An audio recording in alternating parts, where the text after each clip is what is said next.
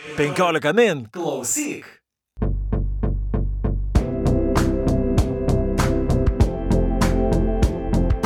Labadiena, gerbėmieji knygų mėgėjai. Su jumis nauja laida Perskaitimai ir ją, kaip visuomet, vedame aš, Audrius Ožalas. Ir aš Juratė Čerškutė. Ir kartu su mumis šiandien yra vertėja Irina Aleksaitė. Labą dieną. Sveiki. Ir e, tie, kas domisi literatūra, turbūt e, jau puikiai žino šią vertėją ir turbūt žino pirmiausia iš autoriaus, kuriam ir skirsime mes šią laidą. Tai yra Vitoldas Gombrovičius. Na ir kalbėsime apie šį autorių iš dalies dar ir dėl to, kad visai neseniai buvo perleisti jo dienoraščiai, pirmasis tomas. Ir man atrodo labai puikia proga pakalbėti apie šį lenkų rašytoją, kuris e, bent jau mano įsitikinimu yra vienas ne tik tai garsiausių ir geriausių lenkų rašytojų, tačiau kartu ir, na, tikrai pasaulinio lygio rašytojų rašytojas padaręs didelę įtaką, na, man atrodo, daugybė rašytojų ir daugybė žmonių apskritai parodęs e, kelią į kitokį pasaulio suvokimą, į kultūrą. Žodžiu, žmogus, kuris tikrai plečia akiratį. Na ir ne, pradžioje galbūt aš e, trumpai pasakysiu, kodėl mes e, kalbame būtent apie dienoraščius, nes Vitoldas Gamrovičius iš tikrųjų yra autorius parašęs daugybę kūrinių, kurie įėjo literatūros klasiką. Tačiau, pavyzdžiui, ta pati Susan Sontag, kuri rašė Ferdidurkės įžangą, viename, vienam iš angliškų leidimų, sakė, kad e, dienoraštis, e, nors ir Fedurdurkė yra skaitomas jo vienas garsiausių kūrinių, būtent niekas, joks, joks grožinis kūrinys nepranoko Gombrovičiaus dienoraščių. Na, o štai šioje šios knygos įžangoje dienoraščio yra cituojamas ir Vojsekas Karpinski, kuris rašo, kad Gombrovičiaus dienoraštį laikau svarbiausiu Lenkų prozos kūriniu per visą, šios, per visą jos istoriją. Na ir vėliau dar pridurė, tai tikra Lenkų literatūros revoliucija. Galiausiai atsirado klasikinis prozos kūrinys, kuris sureguliavo jos balsą balsą. Taigi čia jis netgi įvardina dienoraščius kaip prozos kūrinį. Na ir pirmiausia, turbūt ir norėčiau klausti vertėjos, e, kaip jums e, pateko, kaip jūsų rankas pateko Gombrovičiaus kūriniai, kaip ėmėte juos versti? Istorija tai tokia įdomi. Sovietmečių Gombrovičius buvo uždraustas Sovietų sąjungoje, nes pabėgo ir nebegrįžo pas, prieš antrąjį pasaulinį karą. Tai yra prasidėjus. Ir aš nieko nežinojau, leidėja apie jį, leidėja man skambina, ar tu girdėjai, sako tokį Gombrovičių, nu ne, vad sako, yra ten toks dienoraštis. Pradėjau blaškytis po visos Lietu, Vilniaus bibliotekas, suradau jo pirmąją knygą universiteto bibliotekoje, mm. vienintelį Gombrovičiaus knyga Lietuvoje. Tai buvo brandimo laik, dienoraštis. Nu, perskaičiau Ne, ne, sako leidėja, ne, ne, yra visai kita. Ir šitaip aš gavau į rankas tikrai dienoraštį Gombrovičius. Na ir e, įdomu, įdomu tai, kad su šių dienoraščių išleidimu yra susiję ir du žinomi lietuvių vardai, nes e, būtent atsimenu, kad būtent šio, per šios knygos pristatymą paviljono knygų savaitgalį Nijolė Dujotytė, kuri yra Odilės vadovė, leidyklos Odilė, kuri išleido šios dienoraščius, pasakojo, kad jinai tuo metu dirbo Vyturio leidykloje ir tuo metu leidykla buvo nusprendusi, kad reikia ieškoti kažkokių naujų vardų, naujų balsų. Ir būtent į leidyklą kartais užsukdavo Sigitas Parulskis ir jis pasakė, na, štai yra toks Gombrovičius. Ir e, jie pradėjo domėtis, kas jis toks ir štai po to vėliau ta knyga ir buvo išleista. Ir e, vėlgi, šią knygą buvo buvo sunku išleisti, nes niekas nežinojo, kaip gauti tos autorinės teisės ir tuo metu padėjo e, Papievis, kuris tuo metu kūrėsi Paryžiuje ir susipažino su Gombrovičiaus našle ir kuri labai padėjo, prisidėjo prie šios knygos išleidimo. Tiesiog padėjo sutvarkyti tas teisų gavimus ir kitus juridinius reikalus. Tai matyti tiesiog buvo jau pribrendęs reikalas Gombrovičiui išeiti lietuviškai, kad viskas sutapo taip, taip, taip ir viskas sukrito į savo vietą. E, man tai rūpi jūsų dar klausti, Rena, e, kiek laiko užėmė mm, versti šitas dienoraštis, nežinau, turbūt aišku pradėjot nuo pirmo mm, tomo, Taip. bet nes na, tikrai nėra toks paprastas tekstas, nėra romanas, kur gražiai viskas sklandžiai pasakojama nuo A iki Z ir be to tai buvo nu, jūsų pirma pažintis. Tai aš visada, kada paimu naują knygą versti, tai turiu įeiti į tekstą, pagauti tą mm, stilių. Kartais užtenka poros dienų, kartais mėnesio, priklausomai nuo sudėtingumo. Ir aš pradėjau versti Gombrovičių ir ateina kolegė, užbėgo, ką verti, prisėdo, skaito ir aš matau, kaip jos akys apvalėja ir, ir aš suprantu, kad jinai nieko ten nesupranta. Bet jinai galvoja, kad aš tai suprantu, jeigu aš išverčiau, kad jinai tokia žiopla yra ir nesupranta. Jinai išėjo aš paskaitau irgi nieko nesuprantu. Ir paskui tiesiog teko iš naujo, tol kol aš, pag, o kai jau pagavau Gombrovičių, jisai yra vienas iš mano autorių, vienas iš nedaugelio, labai lengva man įversti. Vat buvo sunku įeiti, sunku mm. pagauti, o paskui tai, kad nuostabus tekstas, jisai, aš tai jį laikau grožiniu tekstu, tiesą sakant. O, o kaip skiriasi šio, šių dienoraščių vertimas nuo kitų kūrinių, nes jūs vertėte ir jo kitus grožinius kūrinius. Mm -hmm. Nes atsimenu viename iš interviu sakėte, kad uh, Transatlantą, kai vertėte, ten vos neniniavote tai, džiaugsmo, nes taip, labai linksmas kūrinys. Taip. O dienoraščiai kuo savo stilistiką skiriasi nuo kitų jo kūrinių? Pats Gombrovičius yra sakęs, kad e, dienoraštį jisai rašydamas dienoraštį, jisai yra daug atsargesnis su žodžiais nes tai vis dėlto dienoraštis ir jisai atsargiau vartoja naujadarus žodžių žaismą, nes tai nu, stilistika kita. Bet e, aš nežinau, ar tai, tai ko gero tuo ir skiriasi. Tik tai tiek, kad jisai yra atsargesnis su žodžiais, o, o transatlantė tai tengi nuolatinis žaidimas, nuo, nuo, nuo pirmo iki paskutinio žodžio. Čia kažkiek turbūt irgi žaidžia, nes aš kažkaip skaitydama dabar naujai ir besiruoždama šitam pokalbiui, kažkaip žiūriu daugiausia čia pastabų ir prisirašiau apie a, tą formą. Ir man kažkaip labai įstrigo įžanginiam tam tekste, kuris yra šitam naujam leidime apie Gombrovičių, kur jisai kažkaip gal turbūt guodėsi Gedroicui, kad Gedroicas iškart ir atrašė, kad dienoraščio sumanimas yra labai geras, kad tai yra jūsų e, išsvajotojų forma. Ir kita vertus, man atrodo, kad e, šitas dienoraščio konstravimas, jisai kūrė tokią fantastišką iliuziją, nes kalba labai daug e, tikrai svarbių dalykų ir, ir apie Lenkų literatūrą, ką manau, mes dar irgi pakalbėsim. Ir staiga, pavyzdžiui, įmeta vieną savo dienos aprašymą, atsikėliau tada, pusryčiam išgėriau arbatos, tada pietum suvalgiau sumuštinį vakarėtą ir tos dienos įrašą jisai pabaigė tokia fraze, tą šitą rašau tam, kad jūs suprastumėte, kaip aš gyvenu savo kasdienį gyvenimą. Tai man atrodo, kad jisai sukūrė tą, sujungė tuos du dalykus, tai yra kažkiek reflektavo ir tikrą savo gyvenimą, kaip būdinga dienoraščioje aprašyti, ką veikia, ir sėkiu kūrė tą tokią fikciją. Ir nežinau, man kažkaip dabar, va, dabar grinai atėjo į galvą ta mintis, kad mm, Gombrovičius pralenkė savo laiką, nes dabar, kai mes visi stebim tą autofikcijos suklestėjimą, ką čia mhm, daro mhm. Karlas Uve Knausgoras, tai iš esmės Gombrovičius jau šitą buvo padaręs savo dienoraščiu. Beje, Knausgoras, e, kiek girdėjau, labai žavisi Gombrovičium ir laiko vienu iš savo mokytojų ir man atrodo, kad tai na, labai akivaizdu jo kūryboje. Taip. Tai, tai šitas dienoraštis, kaip čia pasakyti, jisai rašė, jisai bandė rašyti, ką jisai valgo pusryčiams ir ką sapnavo. Bet, bet, iš tikrųjų, bet jisai rašo tik apie save. Ir kažkuris tenais, kurį jo ten knyga prasideda. Dabar papasakosiu dar vieną savo nuotykį. Jisai rašo tik apie save, visada tik apie save. Ir dienoraštis, nu tai jau pats žanras įpareigoja apie save rašyti. Tai ir pati pradžia pati yra pats pirmas įrašas, yra absoliučiai manifestas Tai aš, aš galiu, galiu, pers, galiu perskaityti. Pirmadienis aš, antradienis aš, trečiadienis aš, ketvirtadienis aš, penktadienis. Na ir po to jau prasideda pasakojimas. Bet tai yra iš tikrųjų kaip ir nurodo, apie ką bus kalbama šiame dienorašte, kad jisai kalbės apie save. Ir man atrodo, kad šis dienoraštis yra toks...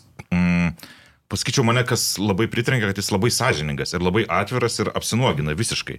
Nes jisai, mes galime pasakyti, kad jisai provokuoja, gal, galbūt jisai kažkiek, netgi kai kada, tyčiojasi iš kai kurių žmonių, nu, tarkime, na, tai jis pasirenka tam tikrus žodžius pakankamai e, tokius galbūt netgi žydžius, tačiau jis lygiai taip pat analizuoja ir save, ir negaili, netgi sa, ir savęs negaili iš tikrųjų. Negaili. E, bet Gombrovičius yra iš tų žmonių, net ne autorių, apskritai kuris nenori būti jokioj minioj, jokioj grupiai, niekam nenori priklausyti ir jisai kartais, na ne tai, kad dirbtinai, bet jisai sąmoningai stengiasi nie, prie nieko neprisišlėti ir niekam nepriklausyti. Ir tas dienoraštis, tai tą jisai nuolatos rodo, demonstruoja ir stengiasi. Taip, ir, ir man irgi dabar naujai skaitant įstrigo frazę, kurios buvau gal seniau nepastebėjus, uh, kur jisai pirmam tome būtent kalba apie tai, kaip jis yra geresniai pozicijoje negu kiti Lenkų rašytojai. Bet čia vėlgi yra tas paradoksas, kad jisai kalba apie save Ir gali skaitytojai net šiek tiek ir išsidur, nes paims dienoraštį ir atrodo, kad būtent skaitys tik tai daug maž ką valgė, ką patyrė, bet jisai deda tokią plačią panoramą ir pasaulio politikos ir ypač, aišku, jam Lenkija ir Lenkai rūpi. Ir jisai laiko save išskirtiniu iš visų Lenkų rašytojų, todėl kad jis yra atstume nuo visų Taip. kitų, jis yra Argentinoje. Ir jau čia yra jo pranašumas ir kitas pranašumas, kuris jis sako, aš esu vienas ir aš esu pats savo labai pakankamas, todėl aš esu dar antrų lygių pranašesnis už visus, už visus kitus rašytojus. Ir man atrodo labai gerai apibendrina štai šitą citatą užsirašiau. Argi kada nors žmogus buvo kur nors kitur išskyrus save patį? Esate savimi, net jeigu esate Argentinoje ir dar kažkur Taip. Kitur. Tai man atrodo, tai jis irgi atspindi būtent šį dienoraštį, šitos, šitos kelios eilutės atspindi jo požiūrį, kad esmė yra visgi ne aplinka, ne ar tai Argentina, Lenkija, ar Paryžius, ar dar kažkur jis važinėjo, esmė yra suprasti save ir buvimas, išgrininti tai, kas esi tu ir išgrinimas tai, ko nori tu pats, o nenori aplinka ar dar kažkas. Ir beje, mane irgi stebino iš pradžių, kai, kai pirmą kartą skaičiau dienoraščius, atrodo, na, situacija tokia, jisai atplaukė 39 metais į Argentiną, pats nežinodamas, e, kiek laiko ten bus, ke- keliom savaitėm, man atrodo, iš pat pradžių ketino ten likti. E, Ir prasideda karas. Ir jisai lieka, nemokėdamas ispanų kalbos, visiškai beveik neturėdamas jokių pažįstamų, visiškai nežinioje ir, ir galvojau, kad e, tuose dienoraščiuose bus daugiau tos aplinkos aprašymų mm. apie tai, kaip jisai Buenos Aires ir visi kita. Ir aš matau, iš tikrųjų ten nėra daug labai tos aplinkos, yra apmąstymai ir mėginimas save suprasti toje aplinkoje. Taip, Ir, ir tų, tų pačių, va, kur, kur Juratė pacitavo apie tai, ką jis veikia dieną, tai čia tokia greičiau išimtis iš tikrųjų, nes tokių... Nu, tai dar viena ten yra išimtis, kai jisai nuėjo ir nusipirko batų porą, tai irgi visos dienos įrašas. taip, taip. E, Grįžo, mato, kad per maži. Nuėjo, pakeitė į tokį patį dydį. Ir prisinešė. Ir paskutinis sakinys. Būna, kad nustebinu pat save. A, Gal dar prie vertimo aš noriu grįžti ir klausti, vis tiek mes turim naują leidimą. A, Ar jūs pati vis tiek peržiūrėjot iš tikrųjų po 20 metų, ar ne, peržiūrėjot šitą tekstą? Kokių jums pačiai buvo atradimų ir kokie pokyčiai yra? Ar čia tiesiog kažkokios redakcinės, ar kažką esmiškai? Ne, keitėt? čia, čia tik tai redakciniai taisymai, e, bet aš per 20 metų, aš nuolatos grįždavau prie tos knygos. Mm. Aš, jinai pas mane visa surašinėta, lapeliais apklijuota, tai man to reikia, tai tokios citatos, tai aš ten studentams pasakoju. Aš nuo jos taip ir neatsitraukiau. Ir man, nu, nieko naujo, nes jinai mano savastis, aš vos ne kasdieną ją pavartinėjau. Taip kad man ten nieko naujo aš ten neradau. Na, kas be ko, kartais, va dabar antrą tomą ruošiant, atsiverčiu, Jėzu, ir neprisimenu, neprisimenu, kad to, tos situacijos vis tiek n- viską kažkaip iš naujo skaitai. Ir beje, šis leidimas yra papildytas kažkiek, ar ne? Taip, jisai yra papildytas dviem esėje prieš poetus ir Sinkievičius. Ir man atrodo, didžiausia atgarsio visgi tas prieš poetus yra sulaukusi šitas, šitas, Taip. šita dalis ir galbūt galite plačiau papasakoti, kodėl ir kaip. Nes jūs jau prisipažinot, kad čia jūsų mėgstamas tekstas. Taip. Gombrovičius, kaip mes vat kalbėjom, jisai yra pats savo ir jisai nenori būti nuo nieko priklausomas, už tai jisai nesižavi Paryžium ten gyvendamas, jisai va, vaikštinėja, bet jisai nesižavi Paryžium kaip, kaip, kaip tokiu nuostabiu miestu. Ir poetų jisai nemėgsta. Ir jisai, jisai visada pasako tai, ką galvoja. Ir prieš tuos poetus, jisai ne prieš poetus ten kalba, o prieš patosą poetinį, prieš grožius poezijoje, kurie, kurie, kurie nieko neduoda ir nieko nesako. Ir po- po- poeziją vadina pamaldom, tai kiek mes dar sako, čia tuo tas pamaldas laikysim. Jisai ieško teisybės, ieško tie, tiesos, tikrumo, be jokių pagražų, be jokių nerinių ir vat apie tai yra prieš poetus. Ir beje, dienoraščiuose ne vieną kartą jis paliečia tą temą. Aš atsimenu, tokia buvo dalis, kur vaikštinėjo Buenos Airėse po muziejų mhm. ir, ir jisai būdėjosi atvirai tą, tą erdvę ir, ir sakė, kiek čia daug tų paveikslų, kas, kas, čia gali, kas čia gali iš viso vaikščioti ir žiūrėti tuos paveikslus. Ir, ir jis labai jam nepatinka žmonių apsimestinis meno išmanimas.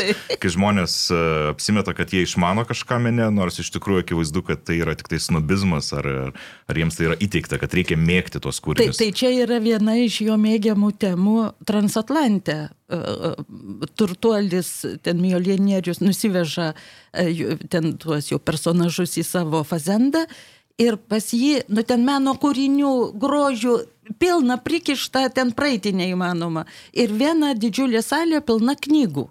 Jisai super perka visas knygas ir samdo penkis skaitytojus.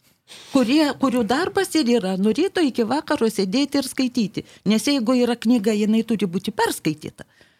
Taip, kad čia Gombrovičiaus yra mylima tema ir jisai dažnai tą eksploatuoja. Ir jis yra kažkokios, man atrodo, kito kirpimo snobas, nes Irena priminė, kas man labai įsiminė iš lenkiškų prisiminimų, kur Gombrovičius pasako, kaip jis atvyksta į Paryžių ir kaip pasišlykšti ten tais austrių valgymais ir šampanukas yra Paryžiaus mito taip, dedamoji taip. dalis ir ko praktiškai niekas nedrįsta užklausti ar kažkaip mm. kritiškai atsiliepti, bet jis yra snobas ta literatūrinė prasme, kad jis pasisako už absoliučiai gerą kūrybą. Ir tarkim, man dabar naujai skaitant, kažkaip aš seniau visiškai nebuvo atkreipus dėmesio, kad jis taip žavisi Česlavu Milošu. O į Milošas ir Gombrovičius man yra kaip dvi skirtingos kraštinės. Atrodo, jie visiškai tarsi nieko bendro neturintis.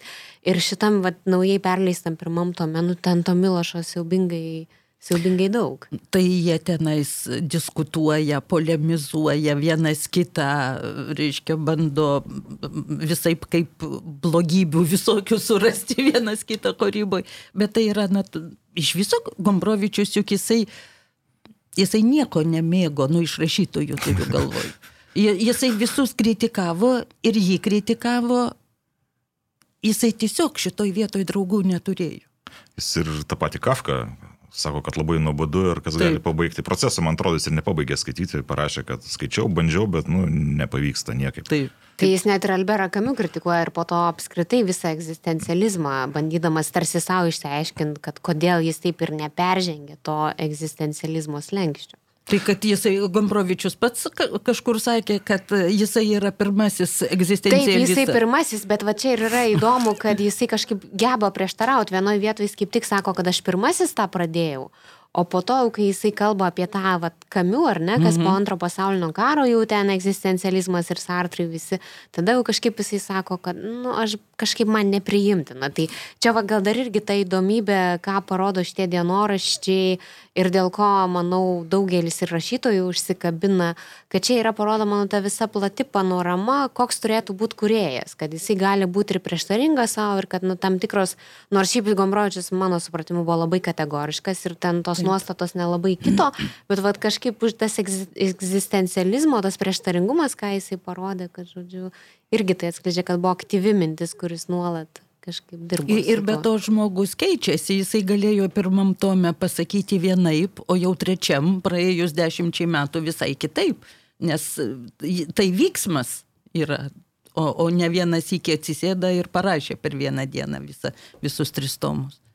Taip, ir beje, reikia suprasti, kad jis e, tas požiūris ir į kritiką e, buvo iš abipusis, nes Gumbrovičius irgi tikrai literatūros kritikų jis nebuvo liaupsinamas ir, ir apskritai gyvenant jam Argentinoje, na, reikia prisiminti ir tą dalyką, kad jisai na, jis nebuvo populiarus ir tas jo vertimas į ispanų kalbą nesulaukė didelio dėmesio, tik tai lenkų emigrantai skaitė ir kitus jo kūrinius. Jisai buvo toks, na, literatūriniam kažkokiam ir nušalyje gyveno tuo metu ir visą laiką sulaukdavo žinių apie tai, kaip jo kūriniai yra pačioje Lenkijoje yra pliekiami. Tai... Na tai Lenkijoje pliekė jo kūrinius dar ir valdžios nurodymų, taip, taip. čia vėlgi reikia tą suprasti. Bet beje yra labai įdomus dalykas, noriu peršokti jau šiuos laikus. Aš penktus metus gyvenu Varšuvoje ir stabiliai, nu tikrai kartą kas kokius dviejus mėnesius, patikrinu angliškų knygų knygynus Ir vienam net esu nudavus vėjo, kad jie nepardavinėja to Karčiuk Flight, kur sakau, mhm. kaip, nes, nu, natūraliai aš atvažiuočiau į Varšuvą, šiaip kaip turistė tikrai norėčiau dabar jau Nobelio premijos laureatės knygą nusipirkti, bet vat, per visus šituos metus aš nei karto neatradau, kad būtų Gombrovičius angliškai. Ir man tas yra labai keista, toks kažkaip galvoju, tai negi dar kažkokie pykčiai laikomi, ar jisai yra neskaitomas, Čia jau man sunku ką nors pasakyti, čia reikia anglų klausti, kodėl jiems Gombrovičius, pavyzdžiui, neįdomus arba jo neverčia, arba dar kaip nors. Ten gali būti daugybė priežasčių. O, o šiaip aš žiūriu, nu, vis tiek mes turbūt turim pasakyti tą dalyką, kad Gombrovičiaus dienoraščiai iki šito naujo perleidimo tikrai buvo bibliografinė retenybė. Tai pirmam pačiam teko įsigyti. Autoris turi savo istoriją. jo, teko įsigyti iš padėvėtų knygų knygino ir tikrai suplojau ten pakankamai gerą sumą. Ir man atrodo, kad jinai buvo viena iš tų knygų, kurios buvo tapusios kultiniam iš tikrųjų žmonės kalbėjo ir, pavyzdžiui, per paviljono knygų savaitgalį, kai buvo renginys irgi ten buvo Jekučiūnas švedas, taip. kiti sakė, kad na, tuo metu jiems padarė didžiulį įspūdį ir, ir, ir, ir parodė, kaip iš tikrųjų galima kalbėti apie meną ir kaip reikia žiūrėti galbūt į meną. Ir, na, tam tikruose sluoksniuose netgi įvardino tai kaip klubą, jeigu tu nuvažiuoji kažkokią kitą šalį, sutinki žmogų, kuriam pasakai, kad patinka Gombrovičius dienoraščiai, na, iš karto surasi bendrą kalbą, nes tai liūdė ir tam tikrus pasaulyje žiūros, tam tikrus sutapimus. Ja, ir man atrodo, kad turbūt iš šio laikinių lietuvių rašytojų tai toks ištikimiausias Gombrovičius skaitytojas yra Sigitas Parulskis, čia kaip Irena ir minėjo, kad jis ir numetė šitą pavardę. Bet aš Irena noriu jūsų klausyti, vis tiek jūs sekat ir dažnai pati važiuojate į Lenkiją ir seka tą visą lauką. E, kokia Gombrovičiaus skaitomumas ar recepcija yra va čia laikiniai Lenkijoje? Ar, ar jūs kažkaip galėtumėt papasakoti? Kad jisai yra leidžiamas, keli, keli leidimai jo yra visų kūrinių, nes, nu, aš pagal viršelius mm. sprendžiu, nes tai yra serijos. Viena serija jau tarsi nueina, žiūrėk, ima rastis jau kito apipavydalinimo, jau kita serija vis, viskas, visas Gombrovičius iš eilės. Ir aš jau jį beveik visą ir esu susipirkusi lenkiškai, kad, kad turėčiau. Tai aš manau, kad jeigu leidžiama leidyba, kaip žinom, yra komercinis e, reikalas, jeigu nepirktų, tai neleistų. Mm. O jeigu perka, vadinasi, skaito, vadinasi, reikia tam jo.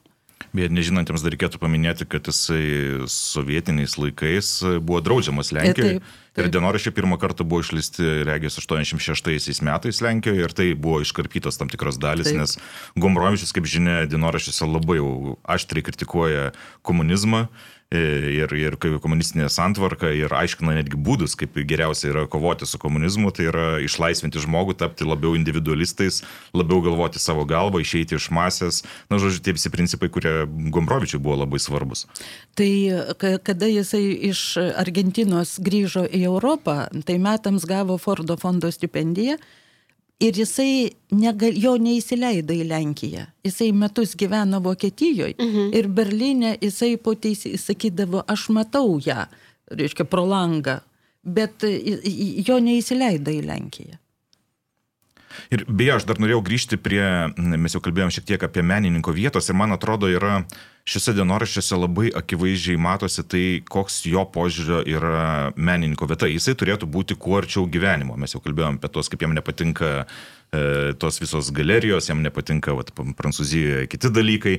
Ir aš tokią citatą e, susiradęs esu, kad menininkas realizuojantis save mene niekada nebus kūrybingas. Jis būtinai turi apsistoti toje paribio zonoje, kur menas liečiasi su gyvenimu. Ten, kur kyla visokių nemalonių klausimų, pavyzdžiui, ar poezija, kurią rašau, iš tiesų yra gyva. Ir man atrodo, kad e, tai yra labai svarbu, kad Gombrovičius jis nežiūrėjo į meną kaip po tokį kaip savaime vertingą dalyką. Jam visą laiką reikėjo, reikėjo visą laiką jam svarbu buvo klausti, kiek tai yra iš tikrųjų svarbu, kiek tai yra apsimestinis dalykas.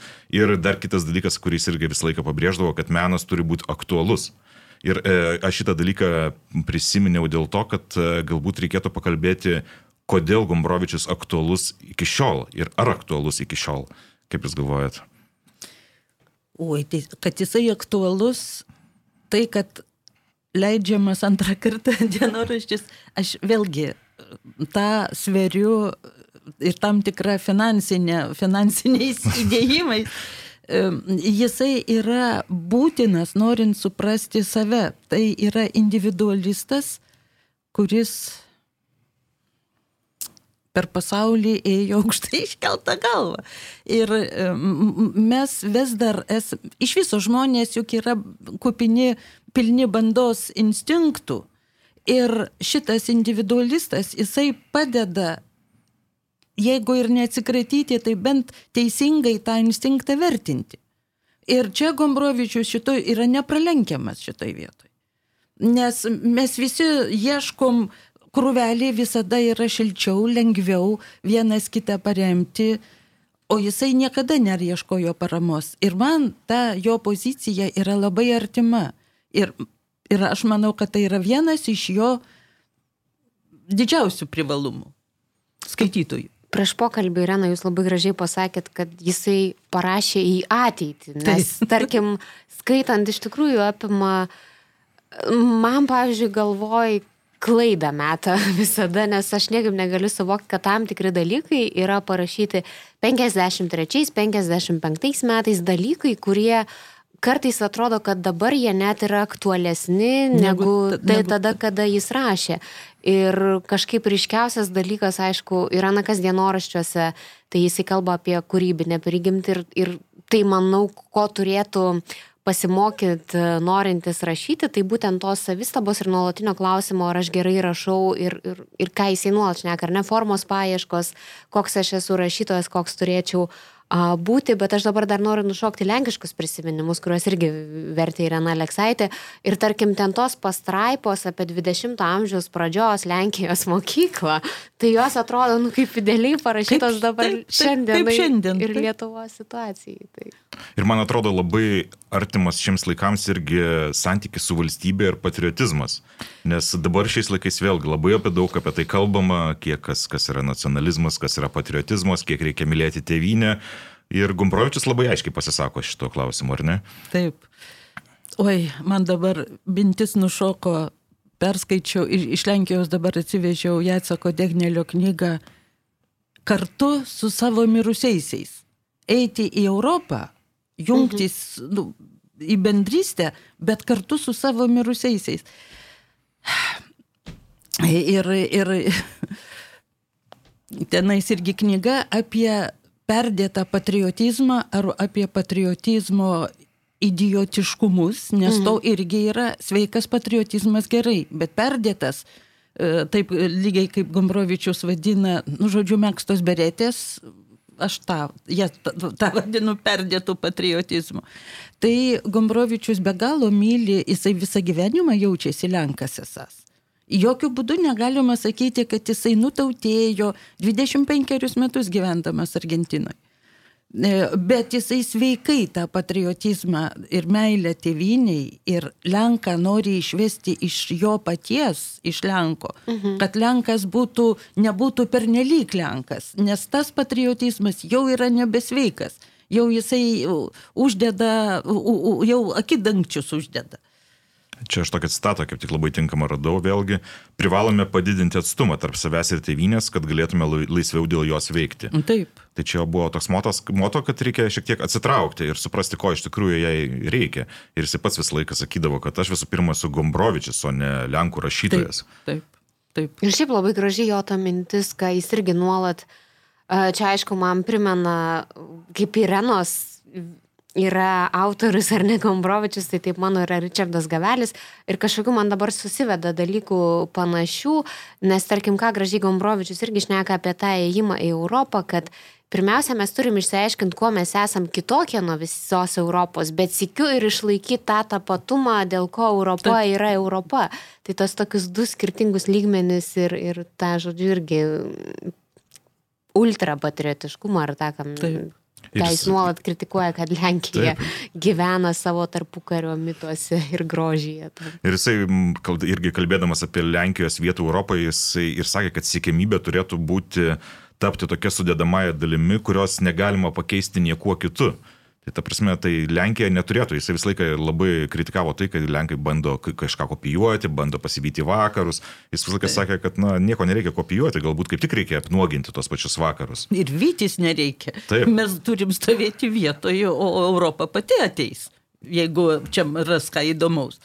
Tai galbūt, man atrodo, šitie dalykai, apie kuriuos jis kalba, irgi labai aktualūs šiems laikams, kai Tai- mes kalbame apie Lietuvos vietą, tarkime, Europoje ir, ir visą laiką kalbama, na, kuo mes galime sudominti Europą, ar, ar, mes, ar mes esame pakankamai europietiški, ar dar ne. Tai man atrodo, Gombrovičius čia tikrai turėtų ką pasakyti, ar ne. Čia tą patį, ką jisai apie Lenkus pasakė. Lygiai tą patį ir apie lietuvius. Čia iš viso, skaitant jo dienoraščius, e, nuolatos man, man kildavo analogija su lietuviais, Lietuva, Lietuvos padėtim, požiūriu. Mes irgi be galo gyrėmės, nu tarkim, ten čiurlionių, aš nežinau, kuo tenais dar. Ir per...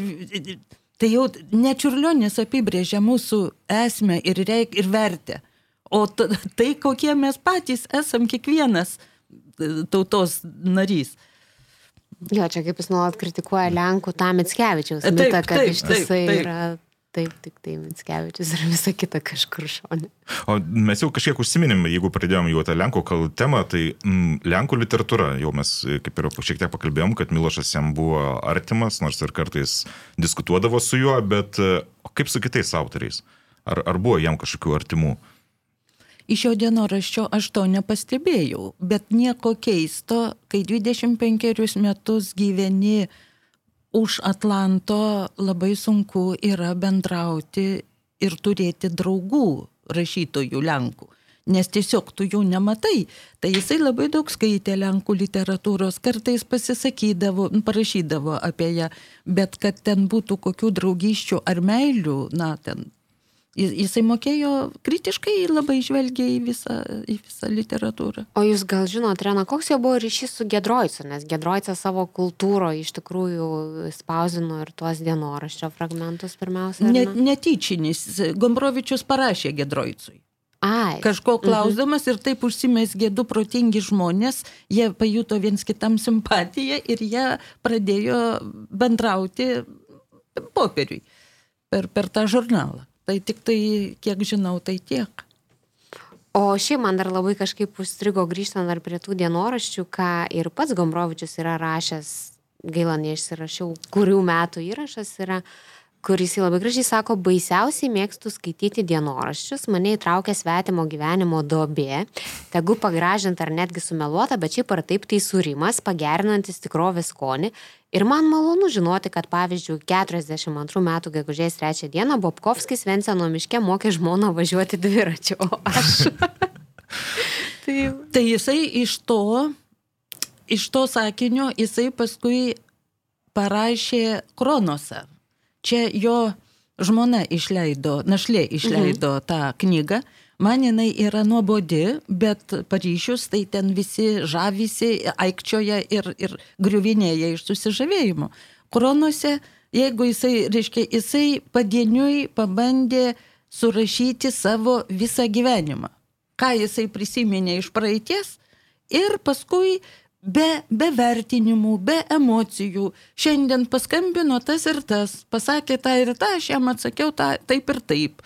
E, Ten kitą dieną nuėjau į svečius pas tą ir aną, bet jo neradau namie. Tai yra kažkokie tokie faktai, o paskui našlė gal dešimt metų, ten išnašų daugiau negu paties teksto. Mhm. Nes, nes kas paskambino, kur nuėjo, ką pasakė, ten tų išnašų, reiškia, per tas išnašas jo gyvenimą galima at, su, su, su, suvokti geriau negu, negu iš paties to tokio šalto, be komentarų, be emocijų aprašymo. Tai jisai galbūt va, iš to jūsų to cituoto sakinio pagalvojo, kad kaip būtų įdomu. Ir pra, pa, pa, tą parašė. O tai Lenkus, jis už ką daugiausiai kritikuoja, nes iš šio dienoraščio atrodo, kad jam labiausiai e, stringa tai, kad jie yra, na, galima būtų pasakyti, jų provincialumas, turbūt toksai galima būtų taip įvardinti. Tai čia išeivių.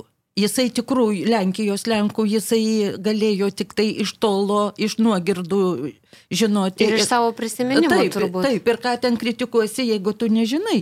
O šitie Lenkai išeiviai, kurie gyveno ten Prancūzijoje, Europoje, ir jie su savo amžinu gyrimusi Mitskevičium ir Koperniku. ir, ir jam galia gerklės jau stovėjo tie dalykai. Abeje, čia irgi kažkaip man šiandien pavyksta tokių citatų Aš surasti. kaip čia padirbėjau gerai. Ir apie tos pačius Lenkų, vat, ir išeivius, ir štai ką jis rašė. Nepamirškite, kad tol, kol gyvenote Lenkijoje, ne vienas iš jūsų dėl Lenkijos nesikrimto, nes ji buvo kasdienybė. O dabar Lenkijoje jūs negyvenate, bet užtat Lenkija apsigyveno jumise. Toji Lenkija, kurią galima būtų apibriežti kaip jūsų giliausią žmoniškumą išugdytą kelių kartų. Čia jis dar labai gražiai, man atrodo, šitoje pačioje vietoje. Tolesnė mintis yra, kad jisai, žodžiu, sako, jiem tik jūs nesakykit, kad ten jūsų tas kažkoks kaimelis, nesvarbu kokiu pavadinimu, jau čia, žodžiu, visiškai rojaus miestelis. Kai, kai, kai tada gyveno tam kaimelį, tai jums grįso musės buvo nuobodu ir nyku, o dabar tas kaimelis išaugo iki, iki apokaliptinių dydžių ir grožių. Tai man atrodo jo tas vertinimas, kad reikia būti čia ir dabar ir vertinti tai, kas yra dabar, o ne kažkokias, kurti kažkokias iliuzinės pilis ir, ir, ir, ir nes tai jis yra, mano nuomonė, jisai tai apibrėžia kaip veidmainiškumą net. Ir veidmainiškumas, man atrodo, buvo vienas iš tokių jam na, labiausiai nevertinamų dalykų ir labiausiai, ką jis kritikavo kito, savyje ir kitose. Ir bandė ir savyje visą laiką, aišku, išvelgti tai, kad e, kiek, kiek yra tikras jisai pats. Tai e, tą veidmainiškumą jisai juk ir mm, šaiposi, kalbėdamas apie snobizmą e, meno galerijose, koncertuose. Kas gali įvertinti, pavyzdžiui, Sezano autoportretą, kad įvertintum jo, jo, tai reikia išmanyti kompoziciją, spalvų derinimų, o tugi nevelnio to nieko neišmanai, bet kažkas pasakė, kad tai tobul. Nu, vadinasi, klausai, nu tai toks. Ir dar palyginimą vieną davė, kad e, štai atsirandamas kažkoks paveikslas, kuris priklauso ne va tai garsiam dailininkui ir visi ža, eina ir žavisi, po to paaiškėjo, kad ne, tai buvo klaida, tai visgi ne tas dailininkas nutapė tą paveikslą ir visi, o čia iš tikrųjų nieko gero, iš tikrųjų šitas paveikslas. Kad žmonės negalvoja savo galvą, iš tikrųjų neturi savo įsitikinimų ir Taip. negalvoja, kaip iš tikrųjų jiems atrodo visą tai. Čia man, man šitas dalykas, man jisai padeda, padeda drąsiau sakyti, ką galvoji. Aš ir šiaip linkusi pasakyti, ką galvoju. Bet kartais įmi ir, oi, o gal nepatogu, o gal, gal ten įžeisi. Gomrovičius mane smarkiai išlaisvino šitoj vietoj. Bet man dabar kyla toks dekonstrukcinis klausimas. E, Aišku, mes niekaip jau negalim patikrinti, bet tiesiog dabar pasidarė smalsu. Ar jis iš tikrųjų buvo toks atviras, ar jisai konstravo tą atvirumą? Oi, nežinau, oi, nežinau. Aš e, per, per pristatymą šito, Jėzau, paviljonė. Naujo leidimo, mhm. Taip. Aš papasakojau, kaip mane Gombrovičius apgavo. Žiauriai apgavo savo vertėją. Trečiam tome, reiškia, jisai grįžta į, į, į Europą, paskui apsigyvena Prancūzijoje, gauna prestižinę premiją didelę ir nusiperka, nu taip jisai rašo savo dienoraštį, ir nusiperka vilą. Ir jisai, tai po šitiekos metų, tai jo pirmi namai, jau jisai turi žmoną, jisai jau turi šunį, jau jisai katę turi. Ir jisai, čia bus jo kabinetas, čia bus mėgamasis, draugai jam dovanoja paveikslus ir jisai jau žino, kad šitas kabos koridorius. Nu, vien- Bet snobiška, ar ne šitas Taip. kavos? Ir jisai kūrėsi, jisai džiaugiasi, kad galų gale, nu jisai mm. vat, kažkaip savo vietą suranda. Ir čia jisai gauna iš Argentinos telegramą, kad tokiu tai laivu, tokia tai diena atplaukė jo sūnus Henrikas. Ir jisai bando, m, sūnus, nu, ger, nu, būt, nu, buvo ten mulatė Roza, reiškia, atsitiktinė meilės naktį, bet kodėl Henrikas? Henrikas jo piesės pagrindinis personažas. Ir pagaliau tas lenkiškas vardas, kodėl ne, ne ispaniškas mhm. variantas koksai nors. Ir jam gyvenimas apkarsta, jisai blaškosi, blaškosi ir, reiškia, metai baigėsi, skyrius baigėsi greitai ir pigiai parduodama vila. Žodžiu, jisai parduoda, beje, tą visą savo vilą su visais paveikslais ir šunimis ir viskas. Nu, pagaliau, nu, būna, nu, gyvenimiškas dalykas. Ir baigiau versti pavardžių rodiklį, ten vietovardžių rodiklį, nu, tas visas aparatas ir pavardžių rodikliai. Henrikas, išgalvotas personažas. Molatė Roza, išgalvotas personažas. Taip kad kiek jo yra teisybės šitam dienoraštį, Čia jis žaidžia. Aš kažkaip pagalvojau apie šitą žaidimą dėl ko, nes man labai užstrigo, kur jisai, čia irgi mes kai kalbėjom, kaip jisai juokėsi iš tų emigrantų ir kaip jisai pradėjo tą žaidimą žaisti dar Lenkijoje laikais kavinėse, kaip jisai mėgdavo girtis, Taip, kad taip, jis yra, turi herbą Taip. ir kaip jisai erzino tada Buenos Airese, žodžiu, ten tuos Lenkų emigrantus, kaip ateidavo ir pradėdavo pasakot, kaip jis yra grafas, taip toliau ir panašiai. Tai, bet kita vertus, nu, čia ir yra turbūt šitas stebuklas, kad mes iki galo nežinosim, kiek čia tos fikcijos ir kiek autobiografiškumo yra. Bet aš noriu dar, Irena, jūsų klausti, ar jūs turit kažkokią vieną temą, kuri jums yra, vat, iš... nes čia, aš nežinau, jeigu reiktų vat, vienu sakiniu pasakyti, apie ką yra šita knyga. Apie Aš- viską. Apie viską, Apie vat, viską. būtent. Bet gal yra kažkoks, kas jums labiausiai taip įstrigė? Labiausiai man įstrigo jo provokacijos. Aš Džiugavau, versdama ir skaitydama.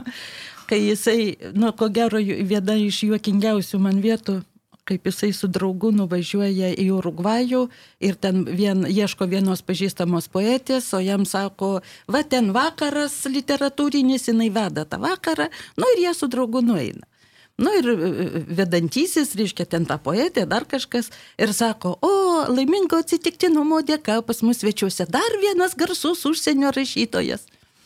Nu tai užuot atsistojęs ir pasakęs, ah, labai malonu, laba diena, jisai sėdi ir klausia, garsus, sako rašytojas, nu ir ką aš esu parašęs. Pauzė, nes niekas nežino. Ispaniškai išėjo tik tai jo išėjusi jo Ferdidurkė. O jisai yra tamsus arkliukas ir sako, tyla, ta poetė tai rausta, tai bala, o aš sėdžiu kupinas šalto sadizmo. ar buvo taip, ar nebuvo, aš nežinau. Bet, bet situacija mua, mua, su malonumu buvo. Man- O kas, kas jam yra provokacijos? Nes aš kaip supratau, jam provokacijos yra tarsi kažkoks kelias į autentiškesnę gyvenimo formas, paieškos, tiesiog band- bandant provokuoti, surasti kažkokią esmę. Nu, nu Ar- tas apnašas tokias nuimti visas, vat, šitą taip, situaciją labai tą taip, parodo, taip. papasakoti. Tai jisai ir lenkiškose prisiminimuose, jisai e, kavinių savo sezonų, e, jisai nuolatos provokuodavo, jisai pradėdavo, jeigu naujas žmogus prisėda prie jo staliuko, tai jisai pirmiausiai pasako, nu tenais, koks tu kvailas, arba tenais, kaip tu tenais, tu praščiokas, o va aš grafas. Reiškia, ir jeigu žmogus atlaiko tą pirminį spaudimą, tada jau prasideda pokalbis. Nelengvas toks žmogus. buvo. Nelengvas buvo žmogus. Nes kaip kažkas apibūdino, kad e, dviem žodžiais, kad maištingas individualistas, jeigu reikėtų apibūdinti jį Nu, geriausiai. Taip, taip, taip. Ir dar bjaurus. Nu, charakteris norėjau tą patį sakyti tikrai. Bet ar kartais tas priešinimasis nebuvo vien tik tai priešinimasis vardan priešinimuose? Nes kartais man atrodo, kad, kad jisai tiesiog neigia viską. Toks nihilizmas šiek tiek, na, ir Nyčia jam, tarkim, irgi pakankamai imponavo, kaip suprantu. Aš nemanau, kad, kad jisai priešinosi viskam ir visur, ir visai, visom prie- prieinamam priemonėm. Bet aš nemanau, kad tai buvo poza. Jam gal šitaip, na aš nežinau, lengviau gyventi buvo neigiant kitus, pavyzdžiui. Tiesiog devulis jam davė tokį, va tokį charakterį. O kad jisai dirbtinai tyčia, aš, ne, aš nemanyčiau, kad taip buvo. Kita vertus, iš tų provokacijų, iš tų galbūt, na, tyčiojimus, jeigu taip galima pavadinti juos, na, gimsta šiuose dienoraščiuose e, egzistenciniai apmąstymai, kurie, man atrodo, dėl to žmonės ir skaito, ne, Taip. ne dėl tų provokacijų, Taip, ne dėl tos taip, formos, o taip, dėl to, kas taip. atsiveria po, po tais.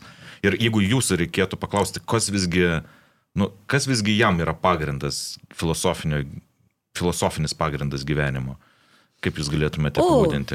Su filosofija nelabai aš draugauju. Aš negalėčiau atsakyti šitą klausimą, nes niekada apie tai nesugalvojusi.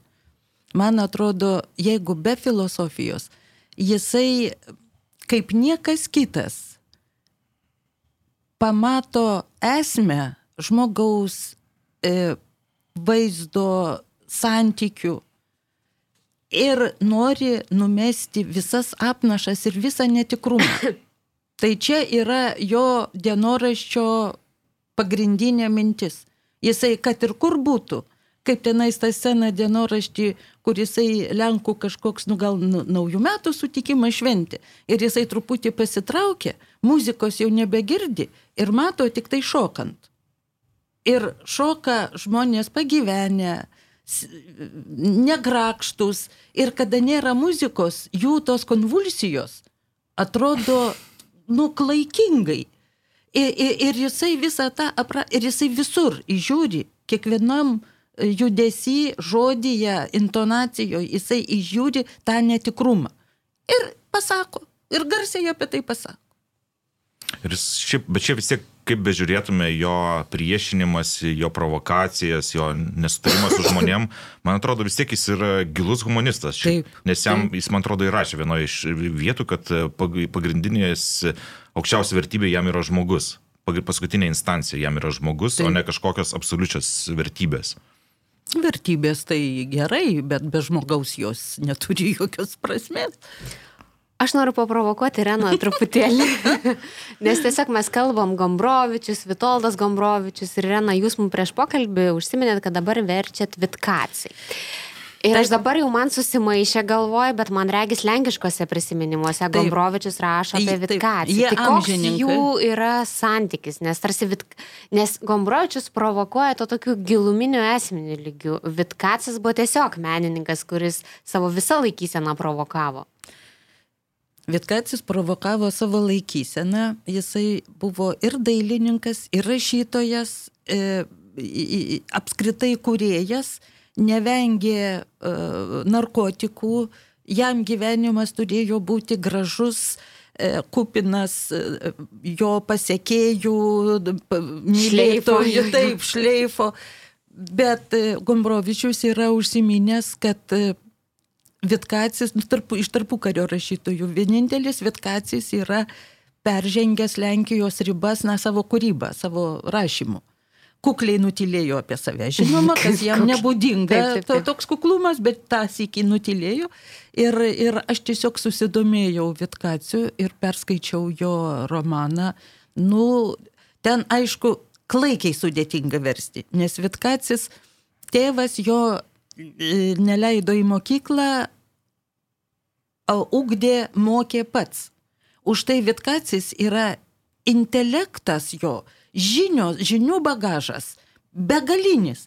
Ir, ir jisai laisvai operuoja filosofijos, psichologijos savokom, dėsnių fizikos ir, ir chemijos pavadinimais. O man reikia tuos dalykus atpažinti ir, ir atrasti, kaip tas lietuviškai. Jisai mokėjo, laisvai kalbėjo keliom kalbom. Ir jisai paima kokį nors prancūzišką žodį, prideda lenkišką galūnę ir padaro savo žodį. Tai jeigu rusišką, pavyzdžiui, aš atpažįstu, mhm. tai prancūziško aš neatpažįstu. Ir su, surandi žodį, kuris iš viso neturi jo. Žodžiu, bet, bet ten eina, nu, ten eina galingas tekstas. Ir, ir aš dar dirbsiu ilgai, bet aš, nu, ten bus ką skaityti. Bet Vitkacis nepakeis jūsų meilės Gombrovičiui. Ne, ne, ne, Vitkac, ne, ne, toli gražu.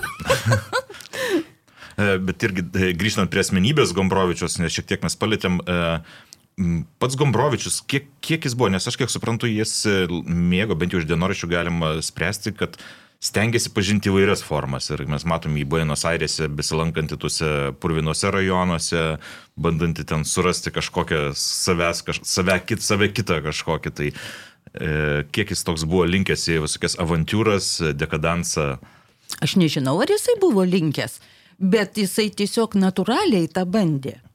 Ji- Jisai e, pats jau paskui nebežinojo savo e, seksualinės orientacijos, nes jisai kaip ir visai ėdis šiuo klausimu. Jisai taip, jisai ko gero išbandė, nes įdomu. Aš nemanau, kad jisai ieškojo savęs, ar tiesiog įdomu. Gyvenimas yra įdomus ir visos jo formos yra įdomios jam. Man atrodo, jisai turėjo tą tokį smalsumą, bet tą netokį, kaip čia pasakyti, banaliai prigimtinį paviršinį, bet tą tokį truputį gilesnio ligmens. Audriau, aš žiūriu tave ir noriu klausti, tu buvai ne per seniausiai Argentinoje, ir tu ten būdamas prisiminiai Gombrovičių.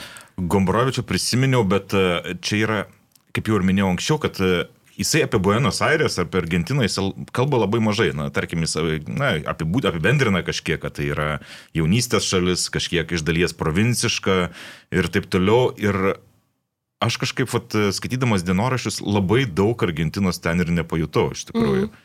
Nes man atrodo, kad Gombrovičius, jeigu jisai galėjo tokius pačius dienoraščius rašyti ir būdamas, na, ką žinau, Romoje ar dar kažkur. Taip, nes vis tiek fokusas yra į Lenkiją. Iš esmės, iš esmės jisai, kad, kad ir kiek jisai, na kaip mėgtų, nemėgtų tą Lenkiją, bet vis tiek jis nuo jos niekad nepabėgo ir vis tiek jo koncentracija buvo būtent ta Lenkija.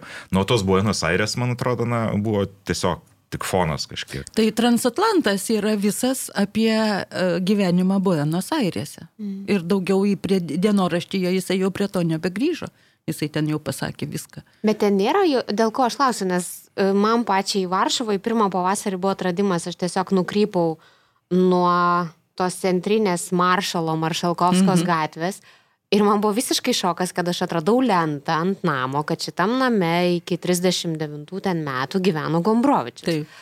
Ir man kažkaip, nes man buvo irgi galvo užsifiksavę, nu, kad jis buvo uždraustas ir kad jis tikrai yra tas lenkų rašytos, kuris nenusipelno jokių lentų ir staiga vat lenta. Ir man tada beje, aš kaip tik lygiai gračiai skaičiau lenkiškus prisiminimus mhm. ir man toks 3D modelis Gombrovičius Varšuvos susiklojo. Tai, Aš kaip suprantu, tu lentos neradai. Jo, bet kita, ver, kita vertus reikia atsiminti, kad e, argentiniečiai ir Buenos Aires turi tokią savo turtingą literatūros ir mm, tas pats Kortazaras arba Borgesas, jie, jiems, jiems yra tikrai tie vardai, kuriems jie meldžiasi ir iki šiol ten ir aikštės yra ir visa kita ir kavinės ir taip toliau. Tai tas Gombrovičius, aš net nežinau, iš tikrųjų būtų įdomu patirinėti, kiek pačiems argentiniečiams jis yra svarbus, tarkime, dabar kaip žmogus vis tiek. Į, įdomu, tikrai. Kiek jisai, nes vis tiek praleido tiek laiko tenais nu ten ir bureliai literatūriniai, kad ir kur važiuotų, tai jisai iš karto, na, sveikata prasta, kartais jau kaip daugiau pinigų turėjo, nuvažiuoja kur nors, nu, į kokį ten, į kalnus. Tai pirmiausiai nueina į laikraščio redakciją ir klausia, ar čia jūs turite inteligentų?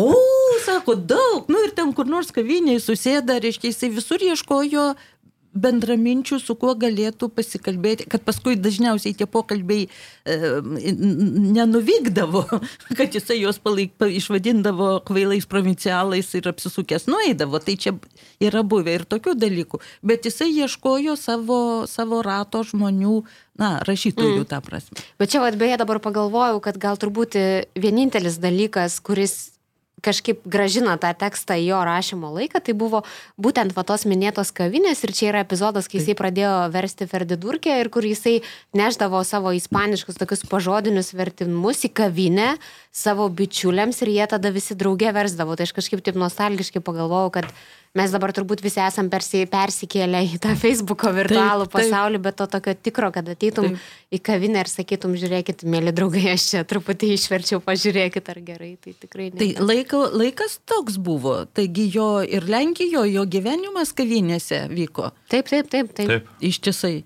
Taigi ir atsiminimai yra dažniausiai, kaip taip, sėdžiu kavinėje ir ten visiems aiškinu, koks aš esu didikas, ten iš kažkur kilęs ir visi aplinkui nesupranta, ar čia tiesa, ar čia pramanas. Ir truputį gaila, kad dabartiniai, tarkim, Varšuvoje jau nebėra tų ženklų, kur tos kavinės. Kai ką dar ten įmanoma iš lenkiškų prisiminimų atsekti, bet... Šiemet buvau spalio vidury e, Gombrovičiaus vertėjų kongrese ir mus po Varšuvą pavedžiojo Gombrovičiaus vietomis. Ir sako, ten, dvi jo mėlymos kavinės Zemenska ir Zodiakas. Mhm. Aš jau dabar pamenu, nepamenu kuri ir sako, o va čia buvo krūminai tokie. O va čia buvo Zemensko. Tiesiog nebėra tos kavinės. Jis išnyko, nugriauta. Tai dėl šito tai Buenos Aires e, dar išlaikė yra ta kavinių kultūra ir netgi yra poezi, kavinė pavadinta taip, tai poezija, yra kavinės, kuriuose, kaip skelbiama, kad mėgo sėdėti Borgesas ir panašiai. Žodžiu, dar žmonės tai atsimena ir iš tikrųjų Buenos Aires kultūra galbūt kažkiek dar artimesnė, galbūt į tą Facebooką netaip jau visi susikėlė, nors aišku yra tenais. Tačiau man atrodo, kad jau turėtume kaip ir artėti prie pokalbio pabaigos. Aš noriu užduoti dar vieną klausimą. Irena, ką jūs dar svajojate išvers Gombrovičius, nes tai irgi mes ne viską dar turim lietuviškai. Kad neišversta liko labai nedaug. Iš jo e, romanų grožinės literatūros neišversta jo pirmoji knyga, ap- apsakymai, mhm. Bakakajus ir kiti apsakymai. E, Neišversta viena pjesė, kurią aš mirtis, kaip noriu išversti, aš apibėgau pusę ten operetė. Vadinasi mhm. operetė ir iš tikrųjų yra operetė. Ir e, e, nuolatos pasikartojanti Gombrovičiaus temas sen jaunystė kaip, e, kaip, kaip gyvenimo būdas jaunystėje, kad kurio, grožis, kurio dar nereikia slėpti po drabužiais. ir e, apibėgau daugelį režisierių, siūlydama, reiškia, nu, niekas kol kas nenori. Tai va, dvi piesės išverstos tą dar ne. Na ir Kronosas tas. Testamentas tas, ar ne? Testamentas ir Kronosas, va, apie kurį pasakojau, mhm. kur jisai padieniui rašė savo įvykius. Be, be emocijų ir komentarų. Bet čia šiaip būtų įdomu, būtų toks kaip papildinys, turbūt dienoraščiam. Taip. Nu, bent jau man norėtųsi, aš turbūt lygiai grečiai skaityčiau. Ištrauka yra krantuose buvo išspausdinta. Iš, iš to Kronoso aš parsivežiau irgi iš Varšuvos tą knygą, jau nusipirkusi ir sakau, man neįdomu, nežinau kaip kitiems, gal aš klystu, gal aš nesuprantu. Bet jeigu jums neįdomu, jums bus įdomu versti. Gal paskui įsivažiuočiau. Bet beje, ne tik tai nauji vertimai, mes čia prieš laidą irgi kalbėjome, kad Gombrovičiaus gerai dabar yra lenkiški šitie dienoraščiai, ir, bet tačiau yra grožinės literatūros, yra tikrai nemažai išversta, bet jos rasti knygynuose turbūt nelabai jau ir įmanoma, nebent kažkur tai dėvėtų knygų parduotuvėse. Tai galbūt būtų tikslas netgi perleisti ir bent jau tuos garsiausius jo kūrinius iš naujo. Arba galėtų ke- kelti į elektroninės knygas, atsiprašau. Aha, tai ko, ko gero gal dar kokį transatlantą galima būtų kur nusipirkti, nes visų kitų tai tikrai jo nėra. O beje, jo vienas romanas e, Apsėstieji, kurį jisai parašė dar Lenkijoje, čia labai įdomi istorija. Jisai įsižeidė, nu pavyzdžiui, Andolengos Mostovičiaus, kurio jisai kaip rašytojo nemėgo, kuris, mm. reiškia, e, e, pagiringas parašydavo, kai reko, bet labai buvo skaitomas, turtingas, labai daug leidžiamas namų šeimininkių literatūra. Ir Gombrovičius galvoja, nu jau negi aš neparašysiu. Ir jisai parašė, apsestuosius. Jisai net pasirašė slapyvardžių, nes jam buvo sarmata. Reiškia, O koks buvo slapyvardis? jo, jo senelis nuo panevežio, tai ar nesvyžius jisai pasivadino, žodžiu, nuo, nuo, Geras. nuo, nuo, nuo to. Bet tai knyga lietuviškai buvo pati populiariausia. Facebook, dar tada ne Facebook'e, šiaip ten visokiuose. Jau kiek buvo susižavėjimo, jau kaip visi skaitė, ištisi blogai rašomi apie tos apsestosius, kurio Gombrovičius, bet ten vis tiek Gombrovičiaus ranka ir jo dvasia egzistuoja. Tai kągi, belieka tik tai palinkėti iš tikrųjų, kad atsirastų ir tų naujų vertimų ir būtų perleistos tos uh, senos knygos jau išleistos lietuviškai. Na ir aš uh, pačiai pabaigai dar pasilikau tokią pamastymą, uh, trumpą mintį, kad Gombrovičiaus žmona paklausta apie tai, kam buvo skirti šie dienoraščiai, kad tai buvo tikslas sukurti dialogą su skaitytojais ir kitais rašytojais apie rašymo tikslą ir kultūros rolę. Tai aš labai nuoširdžiai pavydžiu iš tikrųjų tiem žmonėms, kurie dar tik tai pirmą kartą skaitys dienoraščius ir man atrodo ras ne tik tai apmąstymų apie rašy, rašymo tikslą ir kultūros rolę, bet ir turbūt apie ko ne kiekvieną gyvenimo svarbę sritį. Taip, aš dabar grinai tą patį pagalvojau, kad pavydžiu, kuriems skaitys pirmą kartą. Ir šiandien pagalvojau, kad šiek tiek e, gaila, nes norėčiau eiti kabutėse pasimušti su Gombrovičium apie literatūros kritikos sampratą. Na, jis nebuvo gailestingas jiems. Taip. E, Tai dėkui visiems klausysiams, dėkui mūsų studijoje šį kartą viešėjusiai Gumbrovičiaus ištikimai vertėjai Irena Aleksaitai. Ir mes atsveikinam kaip visą laiką, aš Audrius Ožalas. Ir aš Juratė Čerškutė. Viso gero.